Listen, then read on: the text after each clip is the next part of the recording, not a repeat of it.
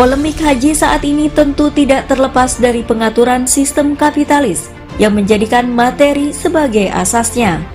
Tidak ada lagi asas ketakwaan dan ketaatan dalam mengurusi urusan rakyat. Kebijakan demi kebijakan seolah tidak lagi berpihak kepada rakyat.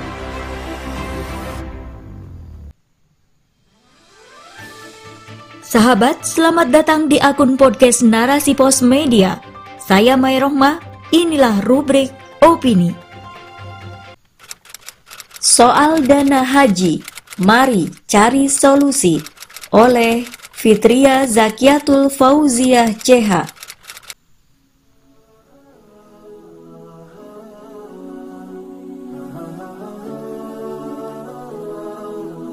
Baktelan pil pahit, sebanyak 46 calon haji furoda dipulangkan ke tanah air, sebab visa yang digunakan tidak resmi. Mereka yang gagal naik haji itu mengaku telah membayar hingga 300 juta rupiah. Dengan biaya fantastis itu, calon jemaah disebut-sebut bisa berangkat haji melalui jalur tanpa antre selama bertahun-tahun. Namun, visa yang mereka dapat ternyata tidak resmi. Sejumlah jemaah juga sempat dicoba diberangkatkan melalui jalur Bangkok, Oman, Riyadh namun pada akhirnya dipulangkan kembali ke Jakarta karena persoalan dokumen.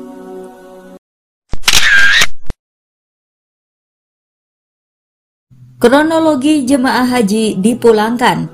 Pertama, telah ada informasi tentang puluhan calon jemaah haji yang tertahan di Bandara Internasional King Abdul Aziz Jeddah pada hari Kamis 30 Juni.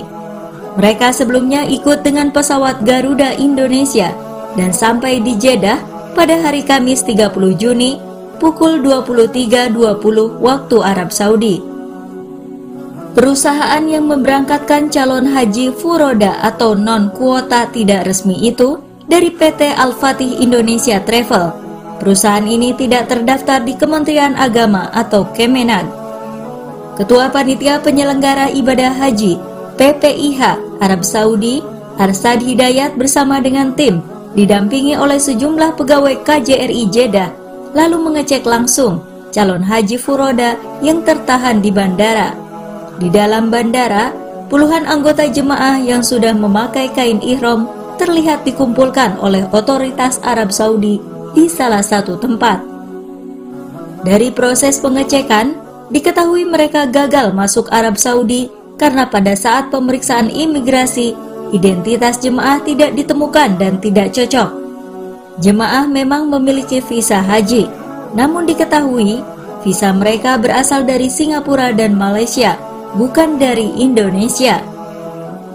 Kedua, pimpinan perjalanan dari PT Al-Fatih Indonesia Travel, Ropidin, buka suara bahwa pihaknya memang berupaya untuk masuk Arab Saudi dengan memanfaatkan visa Puroda dari Singapura dan Malaysia.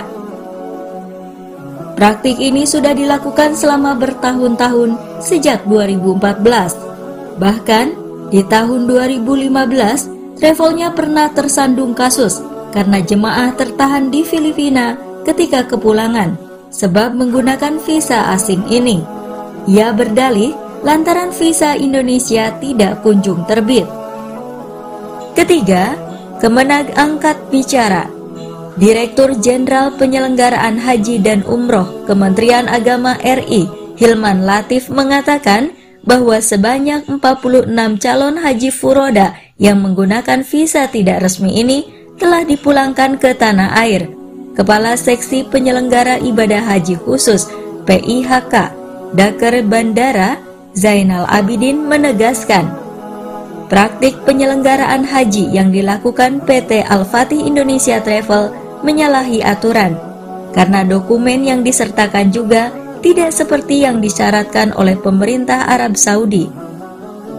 Polemik haji saat ini tentu tidak terlepas dari pengaturan sistem kapitalis yang menjadikan materi sebagai asasnya.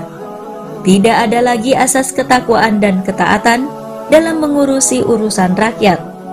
Kebijakan demi kebijakan seolah tidak lagi berpihak kepada rakyat sungguh keblinger.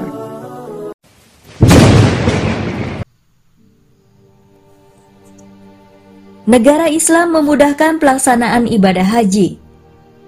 Prinsip pelaksanaan ibadah haji dalam negara Islam atau khilafah adalah tentang kemudahan serta kesesuaian dengan prinsip syariat Islam, sehingga tidak boleh mengurus urusan haji dikomersialkan, dijadikan ladang bisnis yang mengedepankan aspek untung dan rugi.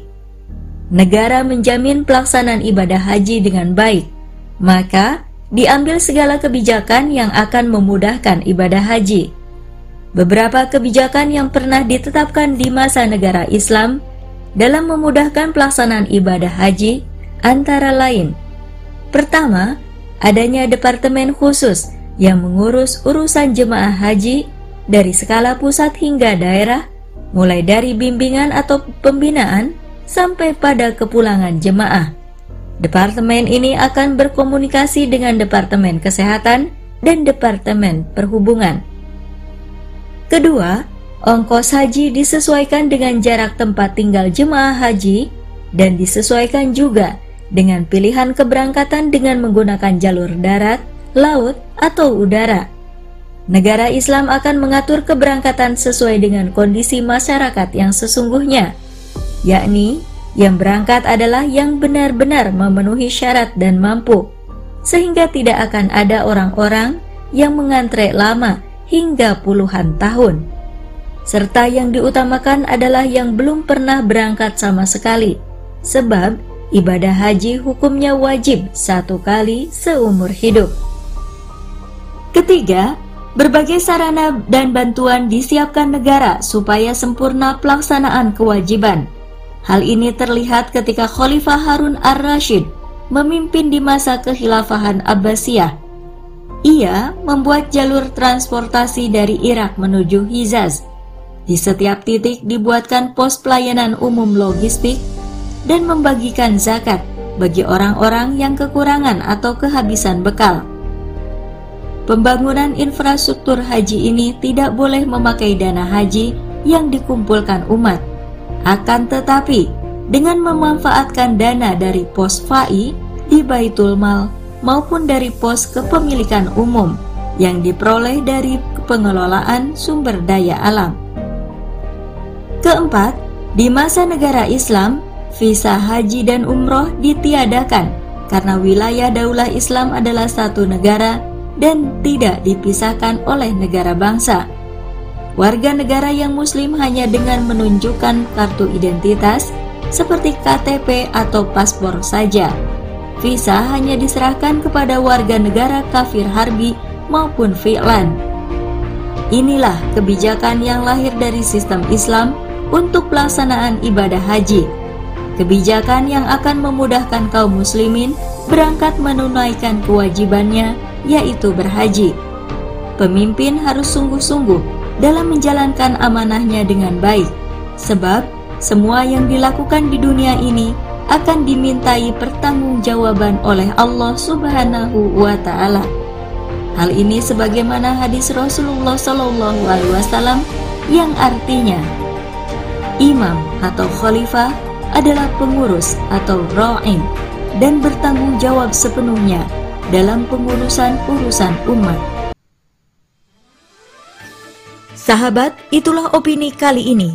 Konten ini bisa Anda baca secara gratis. Silahkan kunjungi www.narasipos.com. Terima kasih telah mendengarkan. Saya Maya Rohmah. Sampai jumpa di episode berikutnya. Narasi Pos, cerdas dalam literasi media, bijak menangkap peristiwa kunci.